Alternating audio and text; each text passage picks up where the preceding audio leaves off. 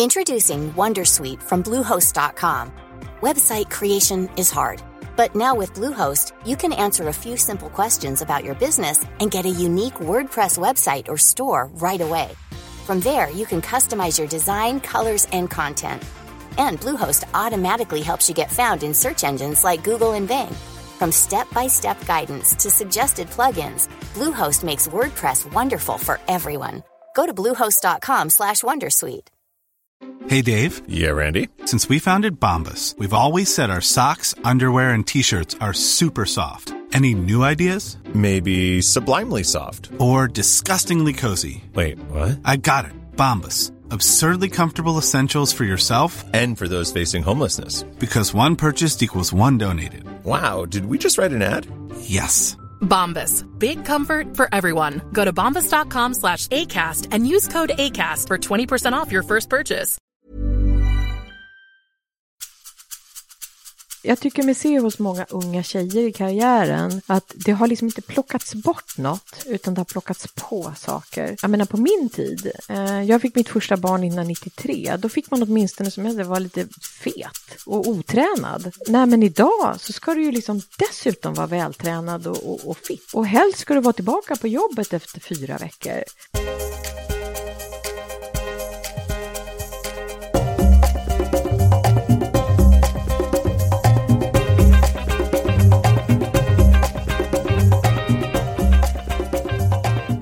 Hej och varmt välkomna till Karriärpodden och avsnitt 47. Den här gången är det Monica Lingegård, VD för Samhall, som är min gäst. Monica blev utsedd till årets VD förra året och har prisats för sitt ledarskap i personalintensiva företag. Samhall är ju en av Sveriges största arbetsgivare, där uppgiften är att erbjuda funktionsnedsatta riktiga jobb. Tidigare så var hon VD på G4S och Prenax, men i början av karriären var hon inom IT-branschen på bland annat Spray och Capgemini. Det här är en härlig person och samtalet kommer förstås att handla om hur hennes karriärresa med toppar och dalar har sett ut, men också om ledarrollen och livet i stort. Häng med och lär känna Monica du också, hon har mycket klokt att berätta tror jag. Och innan vi startar så vill jag som vanligt tacka mina samarbetspartners Blocket Jobb och Stepstone som gör det möjligt för oss att göra Karriärpodden. Och du, du följer väl Women for Leaders i sociala medier? Ett nätverk och ledarskapsprogram för kvinnor som jag just nu håller på att starta. Då så, nu kör vi!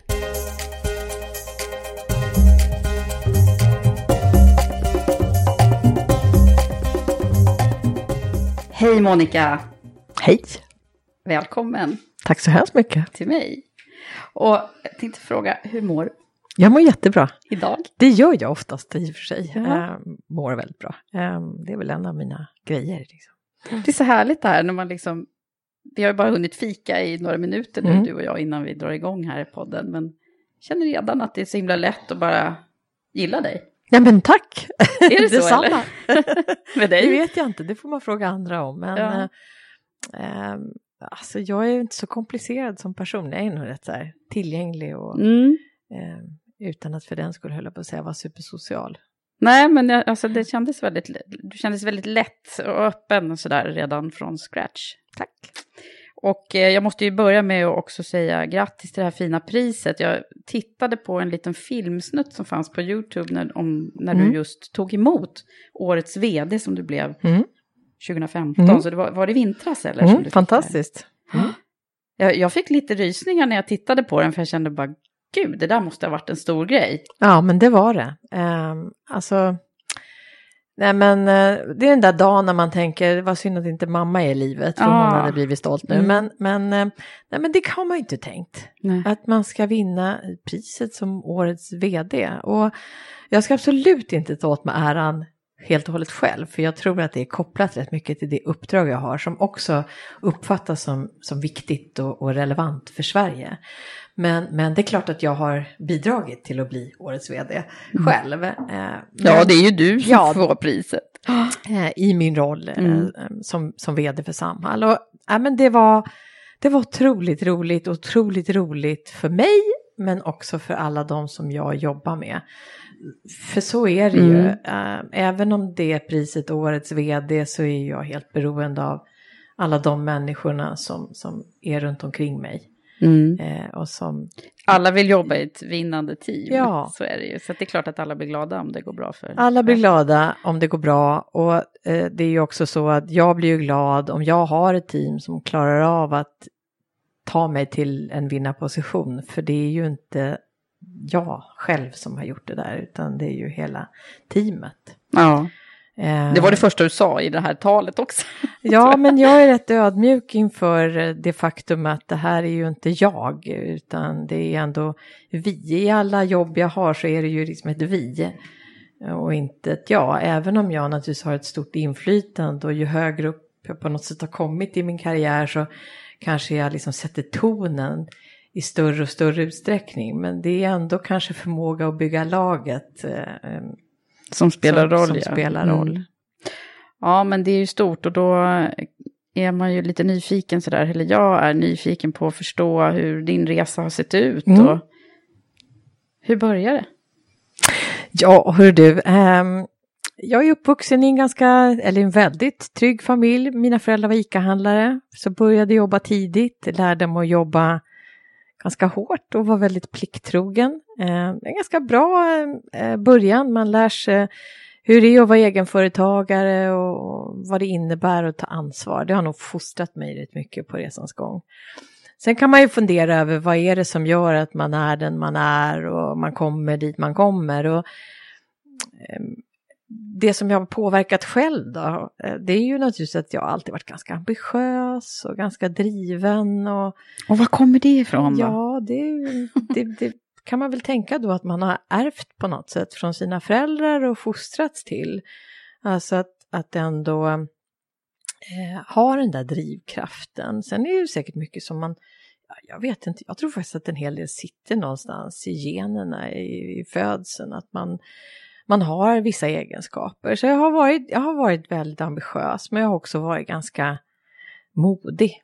Eh, vågat hoppa på saker och inte funderat så mycket om, Mm. om, om, om jag har kanske 100% kompetens för att matcha det där eller sådär. Utan mod och ambition. Jag är, jag är absolut inte den smartaste eller vassaste kniven i lådan. Det är inte så att jag har jag är ganska normalbegåvad egentligen, eller jag vet att jag är normalbegåvad.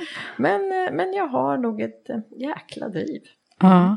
Men var föräldrarna akademiker? Någon av? Nej? Nej. Eh, jag kommer inte från en eh, akademikerfamilj utan eh, det är ju sådär, ja, det är svårt att veta vad var det som gjorde då att jag började plugga. Och, Eh, jag brukar, jag har ju barn som är i den här åldern när man ska välja vad man ska göra i livet och det är ju väldigt mycket prat om att man ska veta vad man vill och man ska brinna för någonting och så ska man gå på det.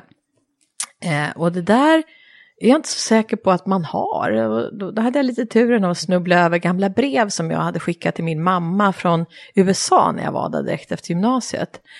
Och, och där framstår ju jag som, Eh, ja, jag känner ju liksom inte riktigt igen mig själv för att jag refererar till, ja, jag vet inte riktigt vad jag ska göra när jag kommer hem, kanske börja jobba i sportaffär och jag tänkte bara, men herregud, har människan inga ambitioner? Nej, men du vet, så att, eh, jag förstår ju att Alltså ibland är det lite slumpen som avgör också vad som händer. Men det är klart att i samma brev så skrev jag ju då att nej men jag är nog ändå lite sugen på det här med universitetet. Och kan, inte, kan inte ni bara söka lite grejer? Det kan vara, ja men du vet, jag kan tänka mig att plugga språk eller historia eller ekonomi. Och, ja men du vet, så mina föräldrar sökte bara vilt och så kom jag in på civilekonomutbildningen och så började jag där och tyckte det var toppen. Jag hade ju gått ekonomiskt gymnasium så det var väl inte helt slumpartat så. Men ibland är det faktiskt svårt att säga vad var det som gjorde att det blev som det blev. Men jag har varit ganska duktig på att hoppa på saker tror jag. Och, och vara lite öppen och inte, inte fundera jätte, jättemycket hela tiden. Alltså Ja. är det här rätt och hur blir det? Och jag var nu i och för sig väldigt sökande någonstans där mellan 18 och 23. Eh, funderade mycket hur jag skulle göra bra saker i livet och hur kan jag bli en bra människa. Och liksom, men men jag, var inte, jag var inte så sökande kring just vad jag skulle bli. Eh, utan det mer var sökandet kanske kring hur jag skulle vara. Men när vi eh, var eh, i den där åldern, då, då var det ju ganska vanligt att man liksom skulle bli, skulle bli något, ett yrke verkligen, Ja. eller hur? Det var ju, nu Ja. kan man ju ändå vara lite, det finns ju så många Ja. yrken nu, men då var det ju så här ingenjör eller ekonom eller Mm. sjuksköterska Mm. eller läkare. Mm.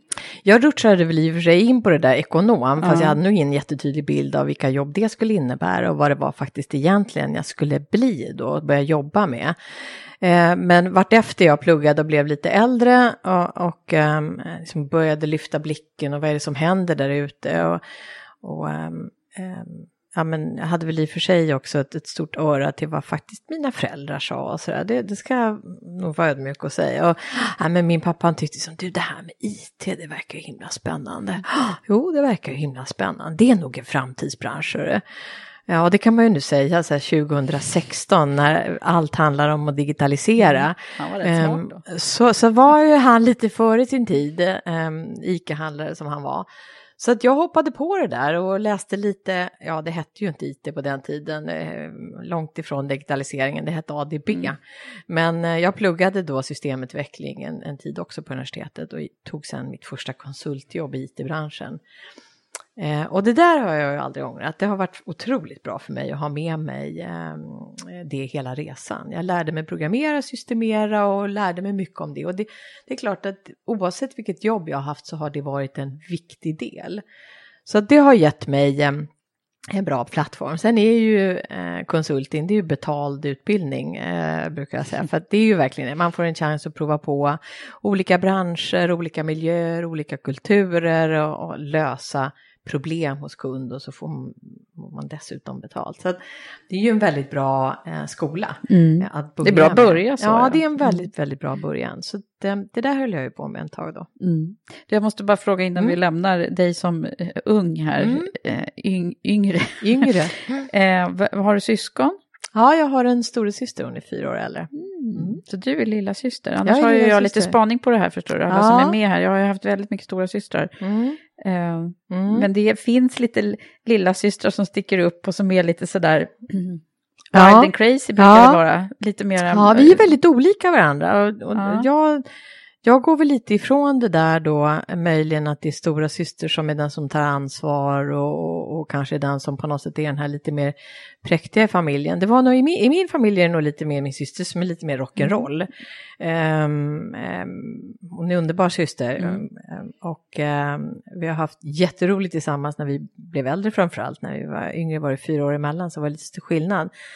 Men, men eh, vi har varit väldigt olika varandra. Det har varit väldigt roligt att vi har varit det. Men jag är nog den som har tagit ansvar och varit som sagt eh, ja, men, hela vägen i skolan, plikten. Mm. Jag ska inte säga att inte jag har eh, haft mina vilda dagar.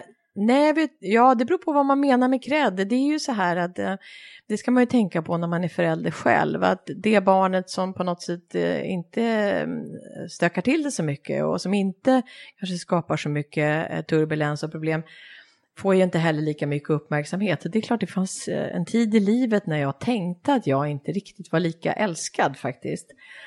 Eh, därför att jag inte fick lika mycket attention. Min syster fick väldigt mycket uppmärksamhet. Eh, och eh, nu har jag fattat att nej men så är det ju inte. Nu har jag ju tre barn själv och, och, och det finns ingen sån koppling. Och jag har, jag har verkligen som nu känt att jag är, har varit jätteälskad under hela min uppväxt. Men vi har ju varit så olika så att, eh, på det sättet har vi fått lite olika attention.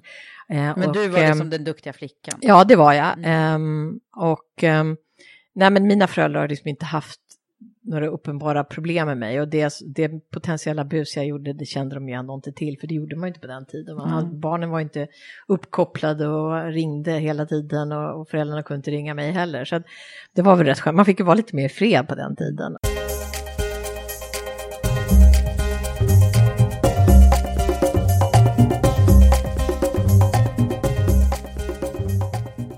Men du Monica, när, när förstod du att du, att du äh, skulle bli en ledare?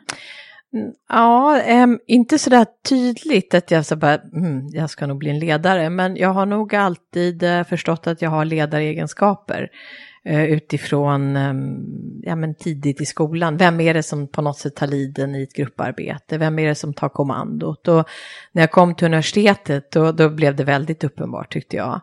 Att jag var ändå den som, som drev på och skapade liksom förutsättningar för gruppen. Och, Um, och då hade jag väl i och för sig möjligen den baksidan att jag gjorde mycket själv.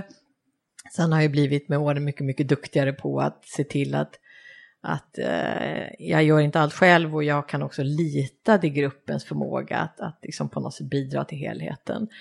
Eh, men, men jag har nog alltid varit en ledarprofil på det sättet. Eh, Så det är ingen som är förvånad som gick i plugget ihop med dig? Jo, det tror jag absolut att det är. Jag hörde faktiskt eh, senast, väldigt roligt, jag satt åt lunch med en gammal väninna från, från gymnasiet och så berättade hon att hon hade träffat en annan väninna som hade liksom sagt, det är helt obegripligt, Monica, vad är det för, liksom, hur kunde det gå så bra för henne?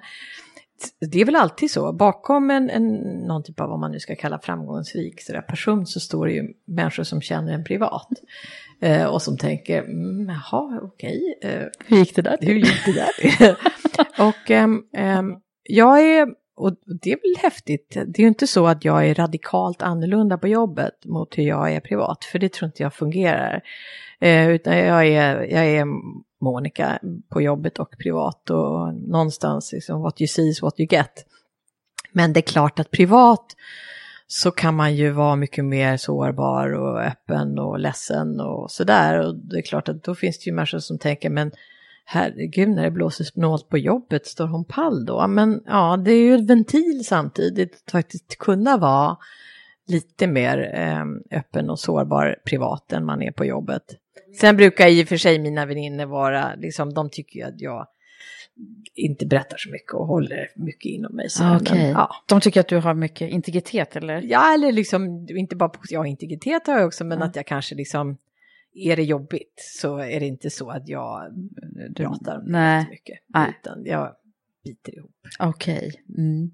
Just det. Och det där nu är inte jag någon person, ska jag vara ärlig säga. Det är inte så att jag går runt och tycker att saker och ting är jobbigt. Hade jag tyckt det så hade jag kanske inte kommit hit. Nej, nej, nej intressant. När, när du fick det där första chefsjobbet, hur, mm. gick, hur gick det till och vart var det? Ja, eh, mitt första ordentliga chefsjobb, det var på Spray. Eh, för eh, oss som är lite äldre ja. så var det ju superhett. Spännande tid. Ja, så var det superhett mm. i interneteran. Och då var jag väl ehm, ja, kanske 32 någonting eh, och fick ju då ansvaret för ett av konsultteamen på Spray. Det var ju då ja, men 25 glada ungdomar får man väl ändå säga, för det var ju också, det var ju lite rock'n'roll där. Eh, och eh, jag hade ju naturligtvis som man har, för så är det ju för, för människor som gör karriär, en person som trodde på mig, det vill säga min egen chef. Um, och honom hade jag jobbat med även på CAP och, och um, han har ju naturligtvis bidragit på ett viktigt och relevant sätt i att ge mig utökat ansvar. Sen är jag liksom inte, ja, jag har ju också velat det, men eh, han såg det där och eh, jag fick eh, som sagt ett ordentligt chefsjobb att bita tag i på Spray. Eh, och la väldigt mycket omsorg och tid på att just vara ledare och chef. Kanske mer, eh, ska jag säga, än i det här fallet mina manliga kollegor, jag säger, lägger inget i könet i det, men jag var en ung och ambitiös tjej och fick ju den här möjligheten och ville verkligen vara en bra chef. Så att jag eh, jobbade mycket med det. Du bestämde dig för det från Ja, början. jag bestämde mig för att, att ähm, äh, ska jag driva det här affärsområdet då som det var frågan om inom Spray så så handlar det nog inte bara om att fokusera på resultat och kunder utan jag måste ju få eh, mina medarbetare att och leverera för det är ju här hela genomförandet sitter och då måste jag få folk med mig och, måste jobba mycket med de enskilda individerna men också som grupp. Så ja, jag la nog mer tid kanske än många andra, i, åtminstone i Spray, på just själva ledarskapet. Mm. Och um, då hade du haft några bra ledare själv då som du kunde ta rygg på eller hur, hur gick det där till? Um, höll jag, säga, nej det kan jag inte påstå, men, men det är klart att jag har ju um, haft bra chefer. Jag menar, um, jag, jag, nämnde ju en här, Thomas hette han, och han såg ju mig. Mm. Och det är ju att vara en bra chef, att se potentialen i, i, i människor och våga lyfta fram det. Uh, men jag kan inte påstå att jag hade så här tydliga liksom, föredömen på här är en god ledare, utan eh, jag gick nog ganska mycket på egen intuition och känsla av vad vill man själv se hos en bra chef och ledare. Men, men eh, jag hade ju inga dåliga erfarenheter, absolut inte. Jag hade liksom ändå en mm. bra start på hela min karriär. Och... Det där är ju intressant, för många pratar ju om det här med vikten av att ha sponsorer eller mm. vad man nu, eller mm. promoters mm. Eh, i eh, organisationerna. Att man mm. liksom, det är just det där att lyfta fram eller eh, se de här som, som vill mm. någonting mer och mm. pusha dem. Men det var det han då som ja, var det där? det var ju naturligtvis en, en person som, som var viktig. Alltså, det är klart att jag hade, eh, innan jag eh, fick mitt, mitt chefsjobb på, på Spray, så det är klart man hade sett både goda och, och dåliga sidor hos ledare. Så att, eh, men att ha någon som tror på en mm. för sin individuella del, det är ju naturligtvis, och det har jag ju märkt väldigt mycket senare i livet, när jag kommit in i, ja, när jag var vd på G4S i Sverige till exempel. Det, jag menar en grundförutsättning för hela det klivet var ju att det fanns en människa där som faktiskt var beredd att tro på mig och chansa. Mm. För det, jag tycker att han tog en ganska för det var, stor risk. Det var ett, ett, ett stort kliv du Ja, det var det. För vad hade du för jobb innan då? Nej, men när, jag kom till, eh, när jag kom till G4S eh, 2005, då eh, blev jag rekryterad till det som var teknikdelen i, i eh, det här säkerhetsbolaget. Och det här säkerhetsföretaget hette ju Falk en gång i tiden och var ganska känt under namnet Falk. Och jag kom dit för att jag skulle göra en så kallad turnaround på det här teknikbolaget. Och det var en ganska liten del och den var ju eh, som sagt rent eh, teknisk och då tänkte man det är någon bra som kommer från IT-sidan. Eh, så det var nog rätt tänkt. Men eh, ganska snabbt när jag hade kommit in i den där verksamheten, bara hunnit jobba i tre månader, så bestämde man sig i den här gigantiska koncernen som det är, det här är ju ett av världens största företag, att nej, men vi ska slå samman alla dotterbolag i de olika länderna så att vi har liksom ett bolag i varje land. Och i Sverige då så hade man ju eh, en, en stor bevakningsverksamhet, alltså hela eh, väktarsidan. Och så hade man naturligtvis teknik då, så hade man värdetransportdelen. Eh, och då, eh, och så här såg det ut i alla länder. Och eh, det här är ju ett bolag som ägs av eh, eller ägs, men det drivs av engelsmän ska jag väl säga, det är ju noterat. Mm. Eh, drivs av engelsmän och lite roligt då så, jag vet inte om det är brittiskt eller om det bara var på GFRS, men då bjöd man ner alla vdar, alla, för vi var ju dotterbolagschefer och vdar. Då bjöd man ner alla skandinaver vid ett tillfälle. Och så tog man in oss på intervju och så tänkte man att liksom, ja men må bäste man vinna. Jag hade ju jobbat så kort tid så jag var ju rätt prestigelös och tänkte att det här, liksom Oavsett Hur länge vad som hade du jobbat då? då? Då har jag jobbat tre månader. Okay, Så oavsett vad som händer kommer jag landa på fötterna. Um, jag hade ju två konkurrenter om man får uttrycka sig så, det vill säga mina kollegor som en var ju vd för, för bevakningsdelen och en var vd för cash, eller värdetransporter. De var naturligtvis också väldigt sugna på det här jobbet. Um, uh, och jag minns att det till och med var liksom nästan så här paktidéer, att vi paktar och så, mm. ja. Men um, Oh, ja, lite som, så här Robinson. Ja, men verkligen. Vi paktar. Men jag, vi kan gå in på det sen, men jag är ganska så här, jag har aldrig varit eh, mycket för spel vad det gäller det här att liksom spela rätt och pakta och, och, politik inom, inom ramen för, för mina jobb, utan jag vill göra det som är bäst för, för bolaget och affären. Så att någon pakt blev det ju inte, utan jag tänkte att engelsmännen väljer den som är på något sätt de tycker är bäst. Och då tror jag, eller jag är ganska säker på det, att min dåvarande chef hade ett väldigt stort inflytande över att jag faktiskt fick möjligheten att ta ansvar för Sverigebolaget. Mm. Um, och det var ju så jag rutschade in på personalintensiv verksamhet, så jag gick ju från liksom vd i ett bolag som hade 250 anställda till ett bolag som hade över 4 000 anställda. Mm. Eh, från en dag till en annan. Och eh, det är klart att eh, min dåvarande chef David, han, han tog en risk Mm. Men han såg något där. Eh, och var beredd att Var du enda kvinnan? satsa på det. Jag var den enda kvinnan. Det var jag ju länge i hela koncernen vågar jag på, så det, det är en extremt mansdominerad verksamhet. Ehm, och det kan ha gynnat mig lite, Ja. men också missgynnat mig, för det var en väldigt så här, grabbig kultur. Och, och eh, Eh, jag vet att under resans gång, om man nu ska liksom göra en utvikning kring det här med om vi ska ha män och kvinnor i ledningen, att, att när jag lämnade GFRS då i 2010, då var det ju sex kvinnor i ledningen och fem män. Och det där var ju en jätteomställning för engelsmännen eh, som till slut började så här, "Ah, men nästa gång vi eh, liksom rekryterar då, då ska vi nog ha en man va Monica? Alltså helt plötsligt blev det eh, en issue, vilket ju naturligtvis aldrig skulle vara åt andra hållet. Ehm, Nej. Men det var ju helt unikt, det fanns ju ingenstans i Drev världen. du den här frågan aktivt Nej, eller var det bara så att du, du tittade på så. kompetenserna? Vilka som... Ja, faktiskt, alltså eh, det bara blev så. Mm. Eh, jag, tittade, jag letade eh, efter de mest kompetenta och då blev det sex kvinnor. Mm. ja, tittar man på hela Ja, befolkningen så... men det var ju, eh, det var ju väldigt roligt för innan jag kom in så förstod jag ju att eh, det här med kvinnor i, i den världen var väldigt, väldigt ovanligt och även på typ gruppledarnivå, om man kommer längre ner i organisationen så fanns det ju inga kvinnor. Men när jag kom in så, för mig var ju inte det ens en issue. Nej. vi tar väl den som typ är, passar för uppgiften. Eh, så att, eh, Men då tror du inte att det är så också när det finns en kvinna på Jo, ledande absolut. så blir det lättare Ja, att liksom... ja.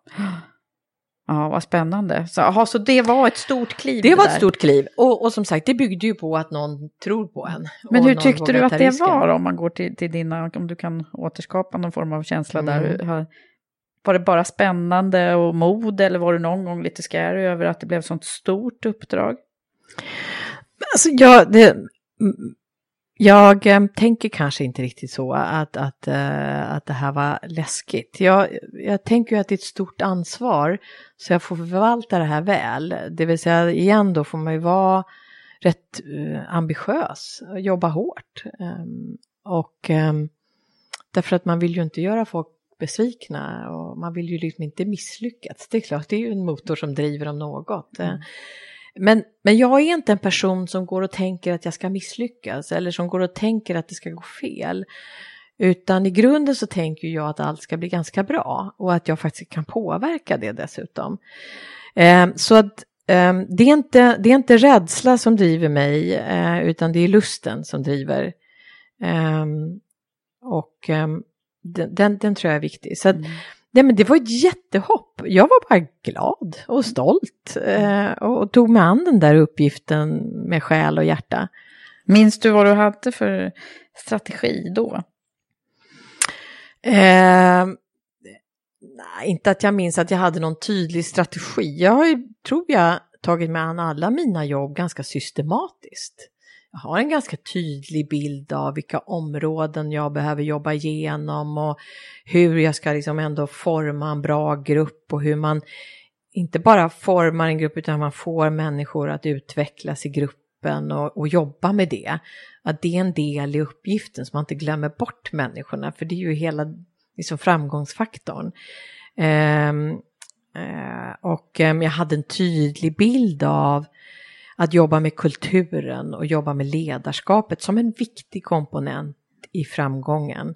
Eh, man brukar ju prata om det här med struktur och kultur och, och, och jag har väl alltid haft en förmåga att liksom balansera det, förstå att vi kan ha en fantastisk strategi och, och, och liksom otroligt bra eh, positionerade och, och, och gott erbjudande till våra kunder men har vi liksom inte människorna och genomförandekraften och ledarskapet så kommer det ändå inte funka. Ehm, och, och, och så strategin är väl att liksom jobba med människorna på ett kanske tydligt uttalat sätt. Hur var det att jobba i en sån här stor internationell koncern då? Eh, nej men jag eh, tyckte det var väldigt roligt eh, därför att eh, jag var ju lite unik. Det är ju inte alltid negativt att vara kvinna.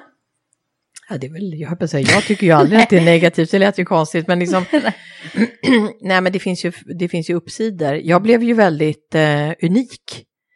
Ehm, och eh, det här är ju som sagt världens största företag till antal medarbetare i princip, eller ett av världens i alla fall. Men jag kom ju ganska snabbt upp i koncernledningen och fick positionera mig där. Och sånt där tycker jag är ju roligt och få liksom, ja men du vet, jobba med affärsutveckling, strategiutveckling på en, på liksom en, en global nivå. Eh, och då blev det ju lite så här jobbigt för att jag tyckte det var svårt eh, och, och, och, lite utmanande. Och, och, det gillar jag för då måste jag ju skärpa till mig lite extra. Mm, så det var okay. väldigt roligt att få in det här internationella eh, och kraven liksom från en koncernledning som då ändå var hyggligt eh, duglig. Eh, men jag tror att det, det, gynnade mig att jag var tjej för jag stack ut. Eh, och sen var jag ju i och för sig kanske då unik för att jag var akademiker. Det är inte någon jätteakademiker, tung bransch det där. Nej, um, så att, uh, ja, men det var de två... lyssnade på dig? Ja, de lyssnade på mig. Så jag hade väldigt bra. Mm. Men det eh, gör folk kanske? Allmänt, sådär generellt sett, lyssna på dig? Um, ja, det tror jag. Mm. Um, det tror jag. Men jag tror också att jag, i det här lyssnandet så ligger det ju någon slags förtroende för att jag också lyssnar. Mm, Annars så, ja. Mm. Jag tror att det går båda vägarna. Mm, det brukar vara så.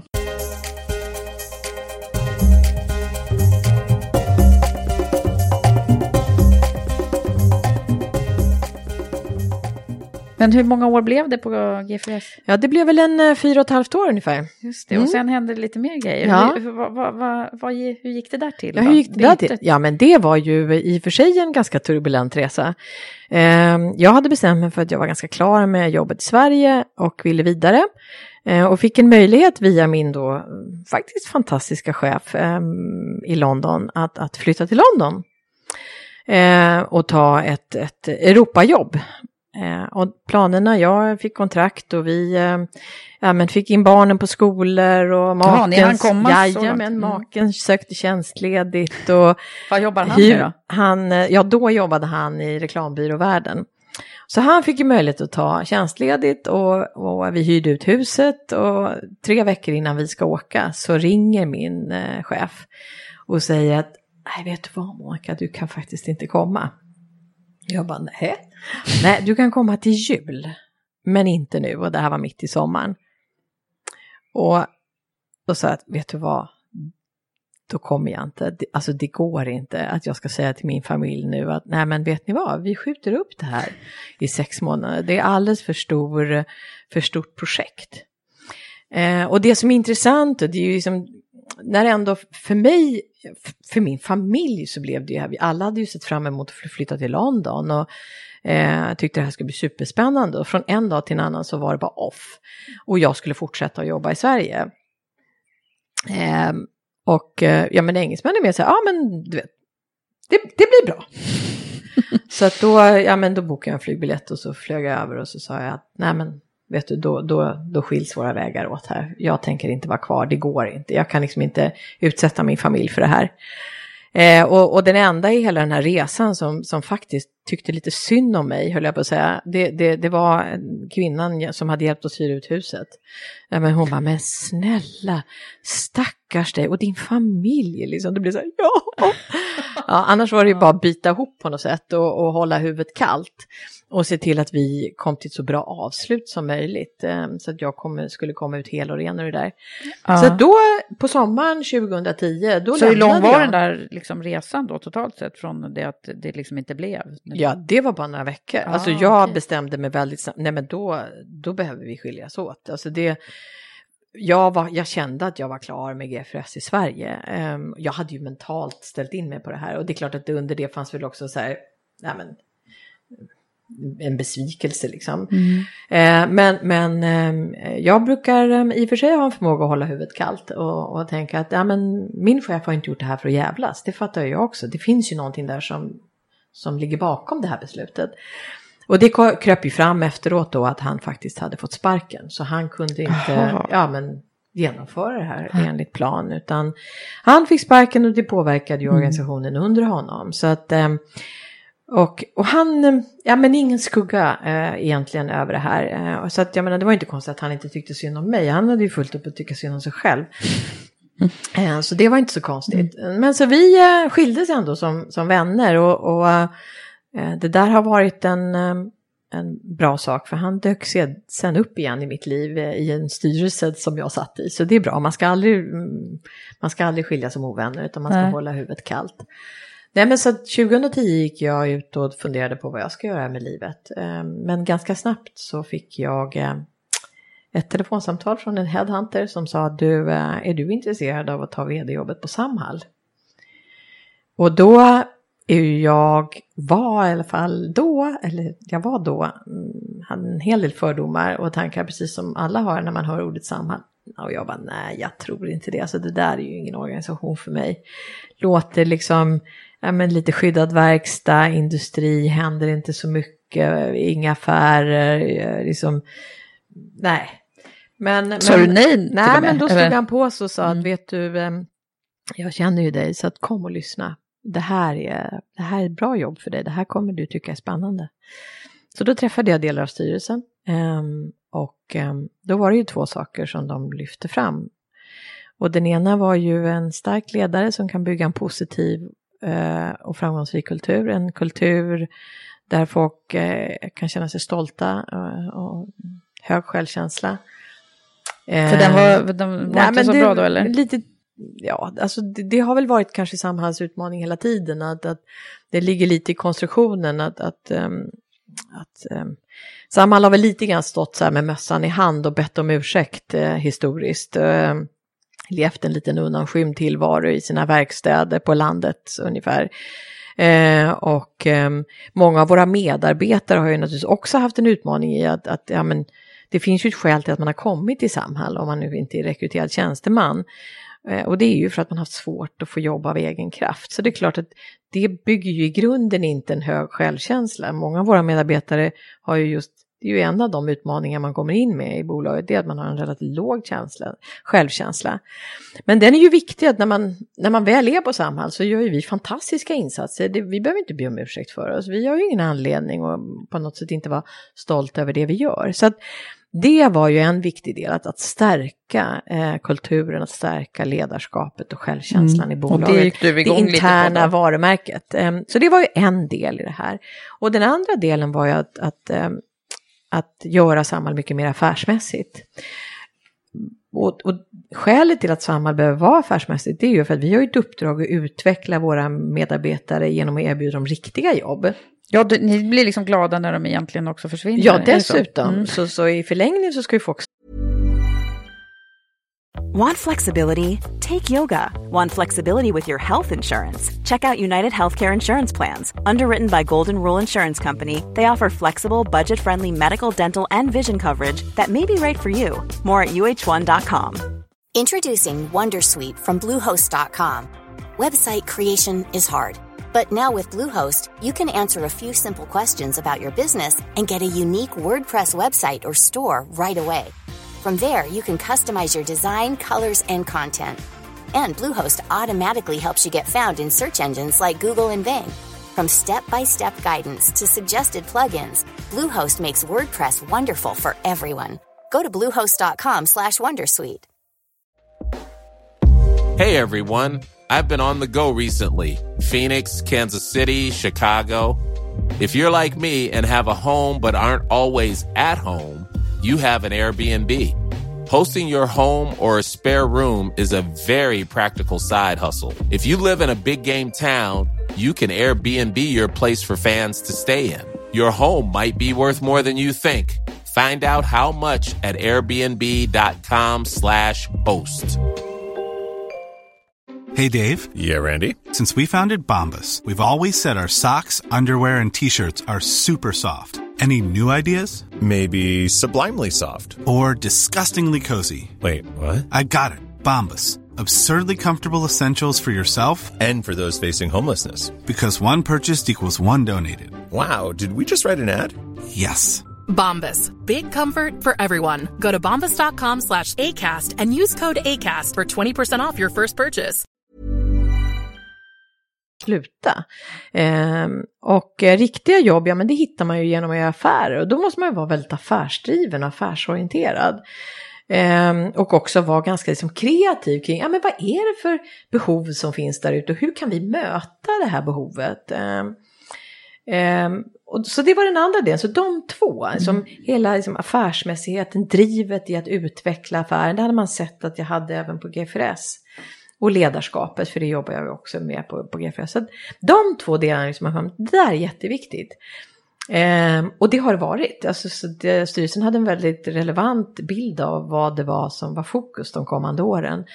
Ehm, ja, så, jag Så det är en, jag en fantastisk resa som du, som du har Ja, det har varit ett, alltså, det är ett otroligt roligt jobb. Ehm, Har ni ökat också liksom alla resultatsiffror? ja, allt vågar jag på. För så, ja, man, ja, men passa på att skryta lite Mm, så lite har det får du gått. göra, du får ta en liten Nej men precis, jag tar en liten skrytstund. Det har faktiskt gått väldigt, väldigt bra. Ehm, och, ehm, och väldigt, väldigt bra. Och i grunden så handlar det ju om vad är det som eh, gör att man säger att det går bra på Samhall.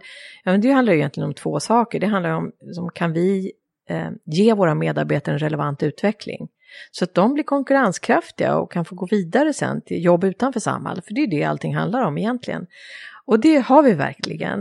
Eh, vi har fått ut otroligt mycket jobb, eh, människor av våra medarbetare i jobb just genom att göra affärer. Vi har skapat kanske 6-7 tusen nya jobb de sista fem åren. Hur går det till? Alltså, Ja, det är genom att göra affärer. Vi, vi skriver kontrakt eh, liksom, på en rad, inom en rad olika branscher, en rad olika uppdrag. Ja, vi städar Arlanda flygplats som ett exempel. Vi eh, levererar direkt in på linan åt eh, Volvo eh, i deras tillverkning. Vi jobbar åt många stora industriaktörer i en bemannad lösning. Vi är stora inom lagerlogistik idag. Lokalvård är stort. Vi städar alla IKEA-varuhus runt om i hela Sverige. Vi städar alla Max-restauranger. Så att, och, och de, de jobben, de får ju vi genom att göra affärer. Och då måste man ju vara lika affärsorienterad och driven som våra konkurrenter. Ehm, och ehm, det är ju det som hela mitt förändringsarbete har kretsat kring. Och jag ska absolut inte säga att, inte, att det här handlar om, om efter att jag kom in, utan förändringsresan att förflytta Samhall från skyddad verkstad över till ett renodlat tjänsteproducerande eller serviceföretag, den började ju långt innan jag kom in. Mm. Och vi har ju egentligen inte särskilt många verkstäder kvar idag. Men det har också varit Men det var så det började. Det var så det började på 80-talet. Mm. Då var Samhall en underleverantör till svensk industri. Mm. Och idag är, är vi inte det, utan det är helt andra jobb som vi erbjuder våra medarbetare. Uppdraget är detsamma, att utveckla människor. Ehm, och, Men hur tyckte du det var då när du kom in, om du nu hade de här lite förutfattade Mm. meningarna där? Hur Mm. fick du jobba med den här känslan då? Och när du mötte alla medarbetare här, hur... hur...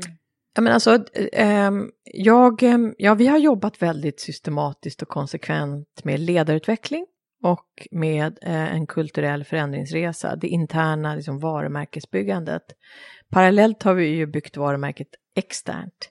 Ehm, och det är ju, det är ju, eh, idag är ju Samhall i- förhållande till våra kunder, det kanske inte är ett varumärke som är känt bland gemene man, men vi jobbar ju bara business to business.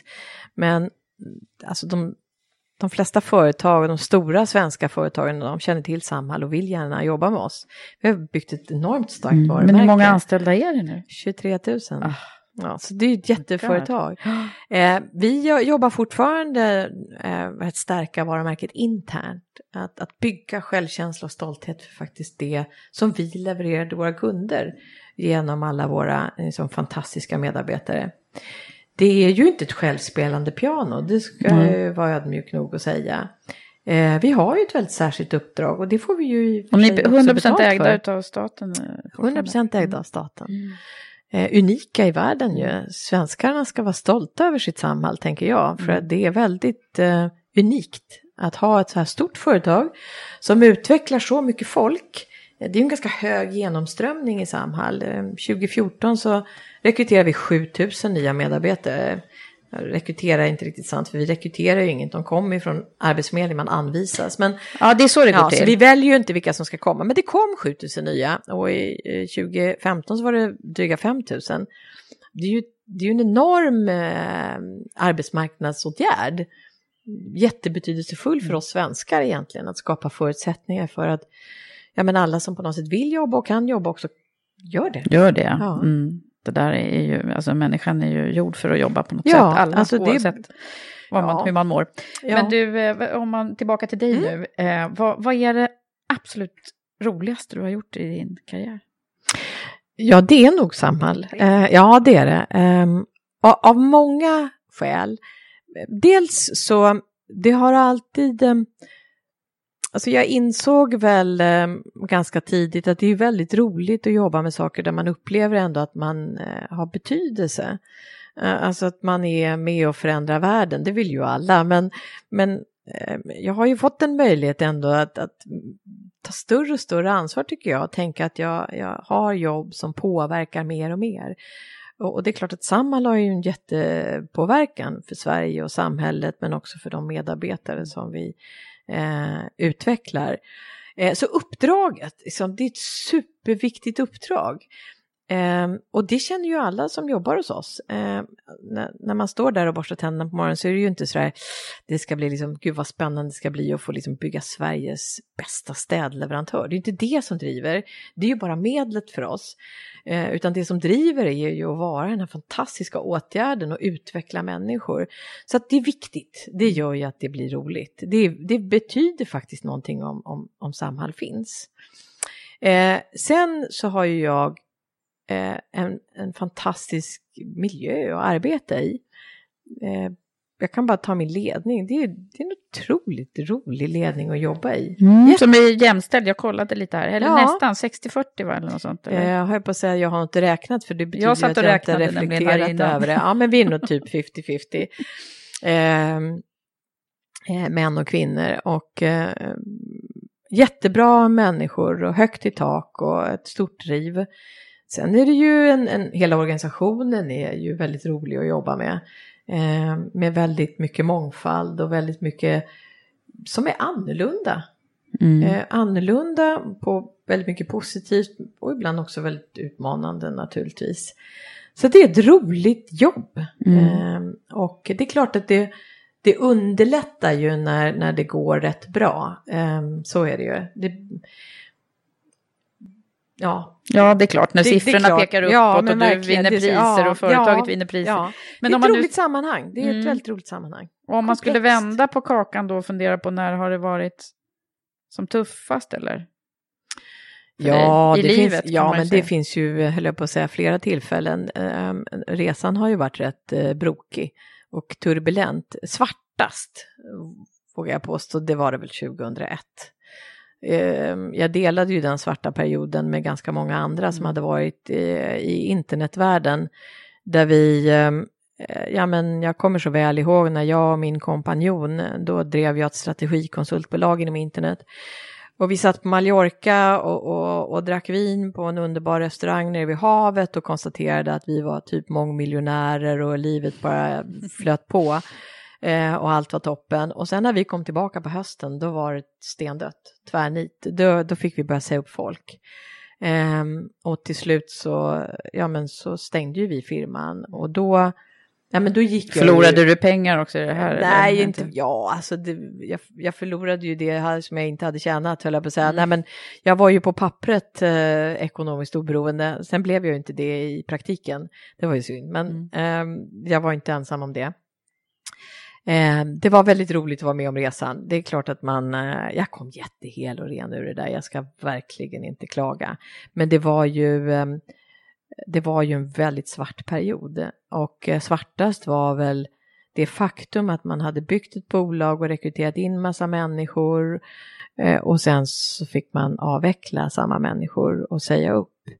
Eh, och människor gick ju faktiskt ut i arbetslöshet. Det var ju en väldigt dyster period och så, ja men du vet så var den här Linate-flygkraschen och liksom allt var svart. Ja, det var lite svart då. Eh, ja, det var mm. becksvart. Mm. Eh, hur, hur hanterar eh, du när det, när det blir sådana där svackor då? För det kan väl ändå vara... Eh, ja, eh, när det blir då så becksvart som det var, då eh, gör ju jag som jag brukar göra, jag tar mig an det här som ett jobb. Och så eh, började jag ganska systematiskt jobba med att skaffa mig ett jobb. Eh, och hitta också eh, sysselsättning under tiden. Och jag håller mig väldigt sysselsatt och jobbar på ett strukturerat sätt vågar jag påstå. Nöta, nöta, nöta för att liksom någon gång så dyker det upp något, vilket också gjorde ju. Mm. Um, och även den andra gången. Ja. Mm. Är det Eh, de två tillfällena som, som du har varit sådär letandes efter nytt? Efter nytt. Nej, men eh, jag är ju tillräckligt gammal för att vara med i flera krascher. Det, det var ju inte så roligt att vara i konsultvärlden 91-92 heller. Ja. Eh, Då, då, ehm, det är ju så länge sedan så det här är ju preskriberat men då jobbade jag faktiskt som konsult på Svenska Kredit och då, då var det ju så illa så att ledningen faktiskt tog livet av sig två personer. Det var ju inte Mm. jätteroligt. Ehm, Det blev otroligt Ah, speciellt och jag var ung och jag kommer ihåg att jag ehm, träffade min man i, Berzelii park och bara stod och grät och tänkte att ska det vara så här i yrkeslivet? Ah. Eh, vi förstod ju inte alltså, hur, hur det kunde bli så, Mm. eh, för vi, vi var så unga och, och naiva. Ja. Men, men det är klart att man lär sig under resans gång. Men det var ju första gången jag insåg att nu får jag nog ta mig vidare någon annanstans. Jag kan inte vara i den här branschen. Ehm, så då, men då sökte jag aktivt ett nytt jobb och fick det. Ehm, och eh, ja, men, jag har tagit mig igenom de där delarna, men det är ju inte så att man kan ju ibland reflektera som jag har haft sån tur i livet. Ja, jag har ju naturligtvis haft mycket tur. ehm, men jag har ju haft en, ganska stor påverkan själv. Ehm, Att, att, att ändå klara och liksom på något sätt hantera de där ehm, lite svårare perioderna på ett ganska bra sätt. Mm. Och så har det ja, men naturligtvis lärt mig mycket som människa och, och Mm. förhoppningsvis hållit mig med båda fötterna på jorden och lite ödmjukhet. Liksom.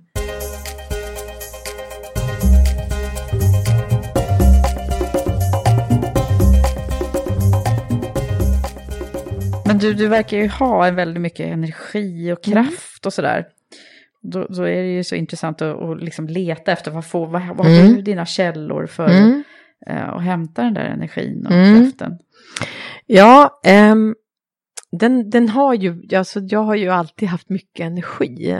Um, och eh, sen tar den just uttryck. Men man kan komma, ja, men om jag bara tittar på vad hittar jag det nu? Och, och liksom, ja, det är klart att jag, jag har ju ett, ett eh, jag har ju en, en, en styrka i att ja, men jag är ganska balanserad. Jag blir inte så orolig och, och jag, jag hittar liksom positiva ofta. Jag brukar utgå ifrån att saker ska bli ganska bra. Men annars är det, jag har ju en fantastisk familj. Jag har eh, en, en nära bekantskapskrets. Ehm, jag har ett gäng, vi är fyra familjer som umgås otroligt eh, mycket och nära. Och, och det är nog rätt mycket jag. Att, att jag har, jag är inte den här superminglaren som glider in på ett cocktailparty och så står jag i centrum och allt kretsar kring mig och jag är supersocial. Utan jag gillar det här med nära relationer och har mina fyra familjer. Och det har gett mig både trygghet och energi hela resan för vi har varit vänner under väldigt lång tid. Så vännerna tillsammans med familjen, jag får ju mycket näring och kärlek liksom via min familj och mina barn. Alltså det, så är det ju. Eh, men det är klart, i grunden ligger någon slags bottenplatta av, av energi. Jag är ju inte en lat person och vad, vad det kommer ifrån, det vet jag inte. Mm. Nej, nej, nej, det är ju Liksom. som sagt var det där med arv och miljö. Ja. Det, det är väl en kombo. Ja, det, det, jag tror precis, det är säkert så att min, min pappa, han, han var inte heller någon lat person, han eh, höll på hela tiden. Och det är säkert en sån här, eh, ska man säga, eh, det är någon sån här positiv plikt. Eh, att, att vilja göra nytta. Mm. Det har jag i mig. Jag har lite svårt att, att eh, läsa tidningar för länge. Um, Även en ledig dag. Ja, liksom. faktiskt. Jag behöver träna på att vara ledig. Ehm, det, det är väl möjligen, jag säger ibland att liksom, nej, men någon gång ska jag gå i terapi för att jag inte liksom bara sådär kan relaxa och strunta i saker. Så här, åka på retreat Ja, och bara men- vara tyst. Ja, och, och så. eller liksom, du vet, lämna huset i kaos och allt är obäddat och stökigt och nu bara drar vi på semester. Det hade jag tyckt var skönt om jag hade kunnat göra. Men, men jag hinner ju aldrig gå i terapi för jag har så mycket att göra. Ja, men nu är du ju faktiskt, jag är ju terapeut. så Ja, men kan ju låtsas lite att du är Ja. lite... Nej, men jag, skämt åsido, jag mår ju inte dåligt av det. Liksom, jag tycker att det är roligt. Ehm, så att jag tror så här, det har varit viktigt för mig att, att ha rätt man. Mm. Eh, han är lite mer lustdriven och har lite större förmåga än vad jag har att, att eh, hitta njutningarna utifrån eh, god mat, gott vin, gå på konsert, eh, men kultur generellt. Är det och han liksom- som liksom eh, odlar han ser det? till att, Mm. ja men tidigt att, att vi, ja men att jag fick en balans utifrån att den delen hela tiden finns där, njutningsdelen. Ehm, hade jag varit gift med någon som mig själv så hade jag ju liksom haft otroligt ordning och reda hemma och snyggt på tomten och väldigt mycket pengar på banken. Nu, nu är det inte riktigt så, utan ja, ganska snyggt hemma är det ju. Mm. Men, men ehm, min man har ju liksom insett att man måste njuta Mm. eh, av det här ehm, och eh, ha balansen. Så att han har väl lärt mig, en av mina sådana här saker som jag unnar mig och det är att bo på väldigt fina hotell runt om i världen. Älskar jag, skämt bort mina barn med det också. Mm. Men att kosta på sig det och liksom njuta. Njut av det. Mm. Ja. Du, vi kommer till den här delen i, i podden nu när, vi, när du ska få dela med dig Ja. av dina tips, tänkte Mm. jag. Vi har ju redan kanske fått Mm. höra några grejer här Mm. som jag kan ana kommer. Mm. Men, Mm. men om du skulle liksom tänka på utifrån dina lärdomar i, från din resa så här långt. Ehm, en sån som jag ehm, tar med mig från när jag var ganska ung, ung nybliven mamma i karriären. Att eh, ett sånt tips, och det, det här går väl kanske, idag är det ju eh, mer jämställt vågar jag påstå, men, men till många kvinnor. Att inte fråga så mycket utan ta för sig. Fråga inte om det är okej om du kan komma tio och gå tre, eh, utan gör det bara. Ehm, gör det som, nej men i den här fasen i livet vet du så funkar det bäst för mig att jobba hemma två timmar i veckan eller två timmar om dagen. Gör det då. Ehm, alltså, jag, vi kvinnor är ju ofta så här, vi, vi, vi frågar och vi, vi liksom, ja men ber lite om ursäkt för och så kollar är det här okej? Och så här, men ta för er. Um, och, och, och våga. Um, liksom, ja men lite grann visa att de- under de här förutsättningarna kan jag jobba. Eh, det funkar för mig. Ja men var lite mer ego där. Mm.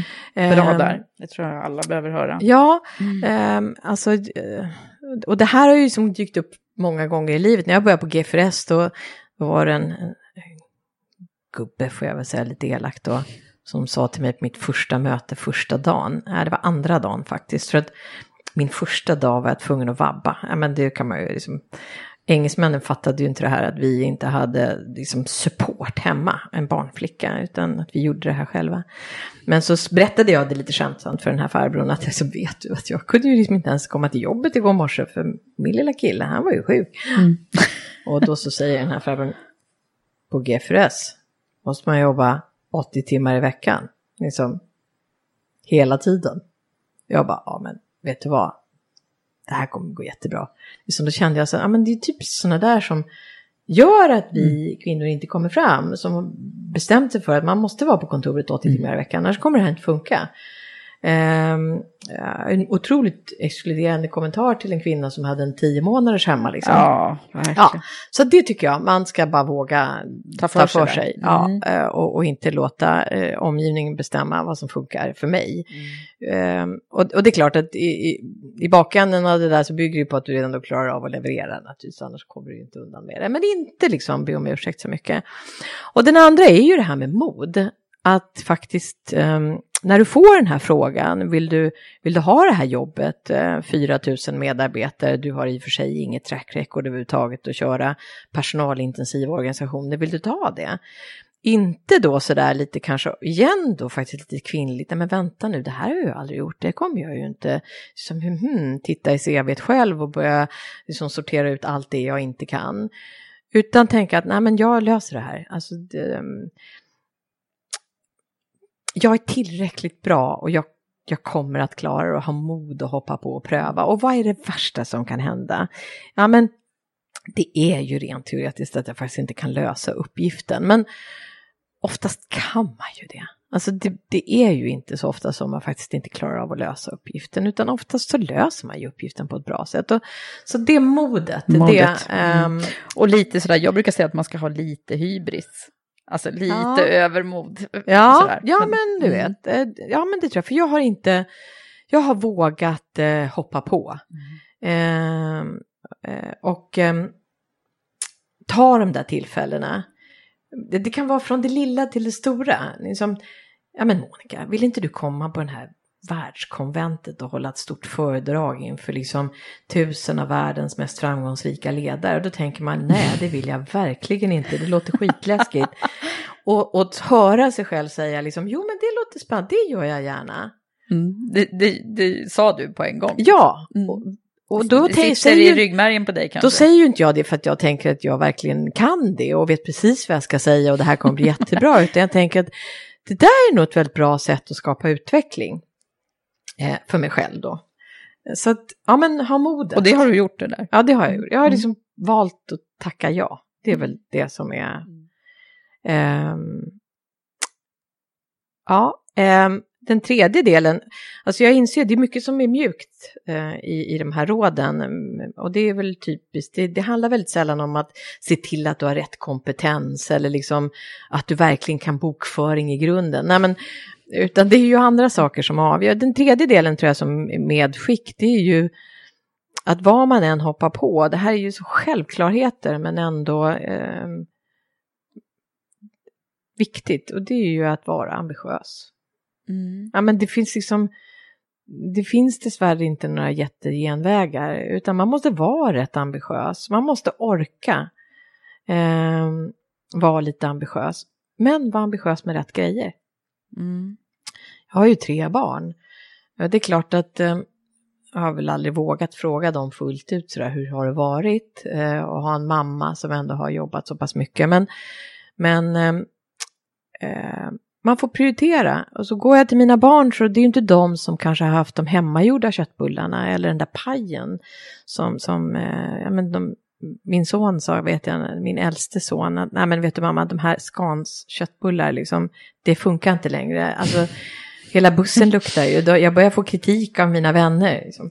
Så det blev, man fick ju chans, alltså man får ju välja sina strider. Det finns vissa saker som inte blev gjort, eller som inte blev gjort lika ambitiöst mm. som alla andra. Um, jag har ju aldrig jobbat liksom 60 procent och kunnat liksom Nej, vara, vara bäst överallt på Nej, alla plan. jag har inte kunnat vara bäst överallt. Mm. Um, och, uh, Men det, det där tycker jag är en viktig grej. Vi har pratat om det flera gånger mm. i andra avsnitt också. Att man så att säga, inte låter påskina att, att det går att vara 100% mm. överallt. Utan mm. vi, liksom, vi är ju ändå bara människor. Även om mm. man väljer att mm. göra en, liksom, jobba mycket och, och tycker att det är roligt. Det är inte så att man, man samtidigt klarar av att vara supermamma och, och, baka bullar. Och, liksom. Ändå tycker jag mig se att kraven nästan har ökat. Ja, men det här är ett, ett ehm, problem som jag tror att vi ja, skulle behöva jag belysa. Tycker, jag tycker mig se hos många unga tjejer i karriären att det har liksom inte plockats bort något utan det har plockats på saker. Så att nu, jag menar på min tid, eh, jag fick mitt första barn 1993, då fick man åtminstone som jag vara lite fet och otränad. Mm. Nej men idag så ska du ju liksom dessutom vara vältränad och, och, och fit liksom. Mm. Mm. Eh, så att, och helst ska du vara tillbaka på jobbet efter fyra veckor. Eh, och, och jag har, med min tredje så jobbade jag ju ganska mycket och jobbade tidigt eh, när jag fick min lilla sladdis. Och vet vilken enorm påfrestning det är att liksom på något sätt amma och samtidigt eh, sitta i en typ rekryteringsintervju. Eh, och, och så många kvinnor har idag landat, upplever jag, med en väldigt, väldigt hög ambition. Och där man till och med då, alltså du vet det är alltid från födelsedagskalasen ska vara perfekta. Jag menar back in the days då ställde man fram liksom en glasstårta och den var gjord på en upp och nervänd sån här liksom glassbytta med lite mm. nonstop på. Mm. Och det duger inte idag utan idag är det mycket mer avancerat och kvalificerat och, och värsta eventet när ungarna fyller år. Så att, ja men vi behöver väl hjälpa dagens kvinna att, att, att prioritera och att man inte behöver vara bäst på allt. Och det går, det går att, att skicka med färdiglagad mat på utflykten. Så. Mm, och att det är okej. Okay, och att liksom. det är okej. Okay. Mm. Och där behöver vi ju kanske hjälpa varandra. Mm. Um, att, att se till att det är okej. Okay. Mm. Så att det inte blir en tävling där också. Kloka råd. Tack så mycket.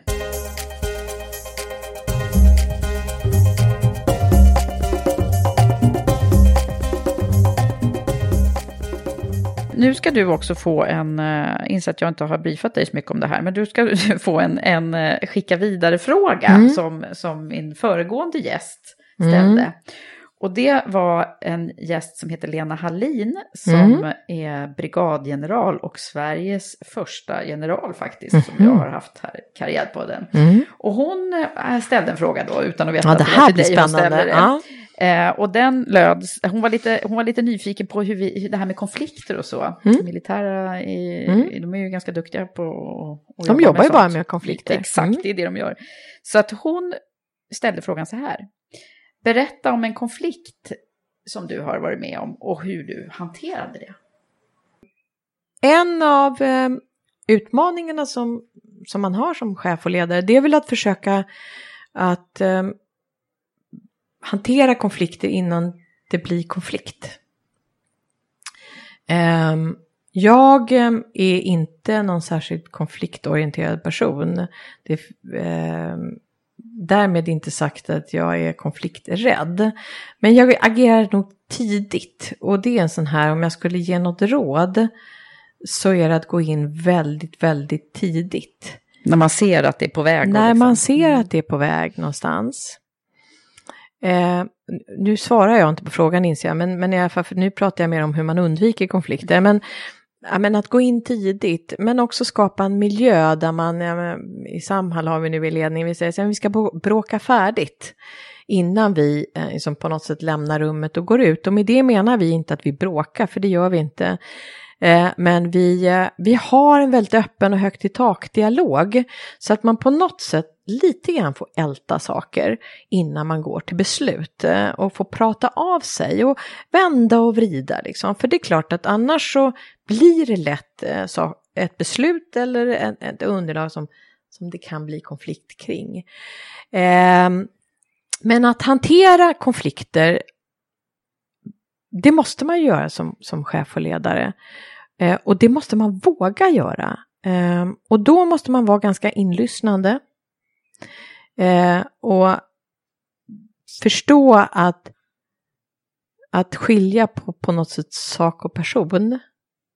Ehm, en konflikt uppst- kan ju uppstå i och för sig eh, mellan två personer utifrån en ja, men vi gillar inte varandra. Jag tycker du är Ja, när personkemin är fel ja, och, och, och, sen har man olika åsikter. Ja. När det liksom är dubbelfel. Men att ha olika åsikter är ju liksom egentligen inte ett problem. Eh, det kan ju bli problem om, om de här personerna inte klarar av att hantera det. Mm. Det vill säga att det går på personangrepp till slut. Men jag är nog eh, ganska duktig på att ta dialog. Samtal, kommunikation. Alltså jag löser mycket i mötet och är inte rädd för det. Ehm, jag skulle aldrig sopa något under mattan, aldrig. Men det betyder inte att jag landar i väldigt mycket konflikter, för det gör jag verkligen inte. Um, Nej, det är jag, sällan som du själv är involverad. Alltså. Ja, alltså jag, därför ser jag lite så här famlande kanske kring den här frågan, för jag är inte själv, eh, ja, jag är själv inte så mycket i konflikt.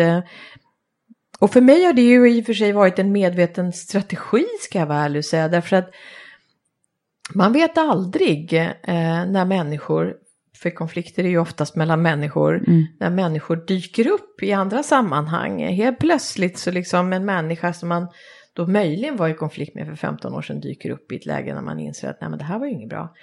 Eh, så att jag har nog försökt att alltid reda ut och, och försökt att hålla huvudet kallt, inte göra det till någonting eh, personligt. Nej. Men du, du, har, du har alltså utvecklat någon förmåga, eller har en förmåga, att du inte liksom, det här med att skilja på sak och person, ja. det, är ju, det är ju liksom väldigt lätt att säga, men ibland svårare att ja. leva upp till. Men, ja, men, men äh, jag har nog haft, äh, jag har lärt mig att hålla huvudet kallt och lärt mig att skilja på det. Att inte ta åt mig. Och det är klart att då kan man säga, ja, men hur, hur, blir man, hur lyckas man med det? Det hjälper ju att man blir det behöver inte nödvändigtvis komma med åren, men att man har liksom lite styrka i sig själv. Ja, men mm. jag, liksom, jag kan bjuda på ganska mycket eh, utifrån, jag behöver inte nödvändigtvis ha rätt. Så om min man skulle lyssna på det här skulle han tänka liksom, men snälla. Ja. okay. Eh, men, men, men, mm. nej, men alltså att man ändå man kan vika ner sig utan att vika undan fullständigt. Man behöver inte alltid strida. Eh, utan vara smart, taktiskt liksom glida mellan... Jag brukar säga att min son är bra på det, min äldste. Han glider smart mellan liksom... Han är, inte heller, han är också ganska duktig på att undvika de där liksom, radikala liksom, krascherna. Mm. Man är ju lite olika som person. Eh, Det betyder inte att det inte blir löst. Nej, just det. Nej, men det gäller att inte gå, liksom, gå upp i atomer Ja. när man är, Ja. blir för hetlevrad eller så. Och, men det är eh, inte ja, du men alltså. det, nej, det, nej, hetlevrad är jag Blir du aldrig arg? Eh, inte, inte arg, arg. Ehm, eh, jag, min man han höll ett väldigt vackert tal till mig när jag fyllde 50 och då eh, berättade han att ja, men Monica du vill nog väldigt gärna vara en Alfa Romeo i Italien som kör på de liksom kurviga bergsvägarna. Sådär. Men du är faktiskt lite mer liksom en Merca på en tysk autobahn. ja. Alltså det, det, jag är kanske inte su- superspännande. Eh, men det får jag väl leva med. Eh, men, men, ehm, och, och det, det, jag är inte så hetlevrad. Eh, nej, jag är ganska lugn och, och, och balanserad och ehm, tycker jag. Ja, men, ja det, det tror jag ändå. Att, ja, nej, jag går inte runt och skriker i korridorerna Nej. och blir upprörd eller eh, får utbrott. Nej, det skulle aldrig hända. Det finns ju jättemånga exempel på chefer som får det faktiskt. Ehm, Det är inte helt ovanligt Nej, det är faktiskt. inte helt ovanligt. Eh, skapa, eh, tycker jag då, eh, naturligtvis inte så gynnsamma kulturer. Eh, för att man, ja, men det blir ju liksom en rädd organisation om man inte kan lita på chefens humör. Ehm, och eh, man vet aldrig, liksom, är det en bra eller dålig dag? Eh, ja, det- så kan man inte ha det. Ehm, I alla fall inte Nej, min nivå, precis. tycker inte jag. Nej. Organisationen förtjänar en chef de kan lita på och som är stabil. Ehm, Så, att du nej, har oftast bra dagar inte. låter det som. Jag har eh, väldigt ofta bra dagar. Ja, Mm. det har jag. Nu är det ju så att du ska ju också då få ställa en skicka vidare fråga Ja. Eh, till nästa gäst som inte du vet vem det är. Eh, som bara jag vet. Mm. Och då får, kan ju det vara precis vad som Mm. helst som du är nyfiken på hur någon annan Mm. ledare, för det, Mm. vi vet ju att det är en kvinnlig ledare. Mm. Och då, ehm, ja men dels har jag ju eh, barn själv som är på väg, eh, inte ut i karriären för de har precis börjat, höll jag på att säga, de ska ju plugga under en eh, ganska lång period nu förhoppningsvis. Eh, men, men lite kopplat till det vi pratade om eh, alldeles nyss, det här med som kvinnor då och kvinnors förväntningar på sig själva och omvärldens förväntningar på kvinnor. Så är jag lite nyfiken på eh, vad någon annan skulle svara på frågan, liksom om, om du möter en 25-årig ung tjej idag, vad är dina liksom, tre huvudråd till en ung kvinna som står inför, har potential att ändå göra en hygglig karriär, men vad är det för råd du vill ge? Jag var ju inne på det, men jag tycker liksom det behövs fler råd till dessa Mm. fantastiska unga kvinnor som... som Till de eh, unga Ja, kvinnor. till de unga. För att eh, vi har ju, ja men vi är ju alla ledare av vår tid och nu kommer en ny generation som behöver ändå nya råd och som kommer att eh, göra karriär i en annan tid. I en tid som ser väldigt annorlunda ut mot, mot eh, i de 30 år som jag har varit i, i näringslivet. Mm. Mm. Så det är jag och, och det kanske är en ung tjej som kommer och kan ge vissa råd eller Precis. så är det någon som är Det lite äldre. Men vet vi inte. jag tänker att ehm, eh, både jag i mitt ledarskap behöver liksom få inspel kring ja, men, hur tar vi emot den här yngre generationen Mm. eh, och skapar bäst förutsättningar för god utveckling och eh, eh, också vad, vad behöver de unga tjejerna själva tänka Just på. det. Vilken bra fråga. Bra Monica. Och tack så jättemycket för att eh, du har varit här med mig. Och Ja men det var ju samtal.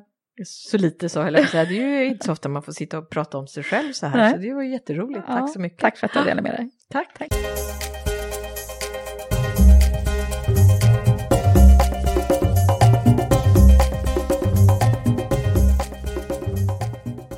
Nu så här efter vårt samtal så tänker jag att vilken klok och sympatisk person hon är, Monica. Ja, det stämmer faktiskt att hon är väldigt lätt att direkt få kontakt med och lätt att tycka om. Det är nog en väldigt bra sak om man ska bli omtyckt och lyckas få med sig alla i sin ledarroll. Hon känns ju också väldigt uppriktig och ärlig och här har vi ytterligare en person som pratar om vikten av människor och teamet som så centralt. Visst var det också bra tips det där med att man ska vara ambitiös men prioritera rätt och att man faktiskt inte kan vara bäst på allt överallt hela tiden. Tack Monica för att du var med och heja dig! Avslutningsvis så vill jag förstås som vanligt tacka mina samarbetspartners Blocket Jobb och Stepstone som har gjort det möjligt för oss att sända och publicera Karriärpodden. Och du, gillar du Karriärpodden så får du väldigt gärna gå in och skriva en kort recension i iTunes. Ha det nu så bra så hörs vi snart igen. Hej så länge!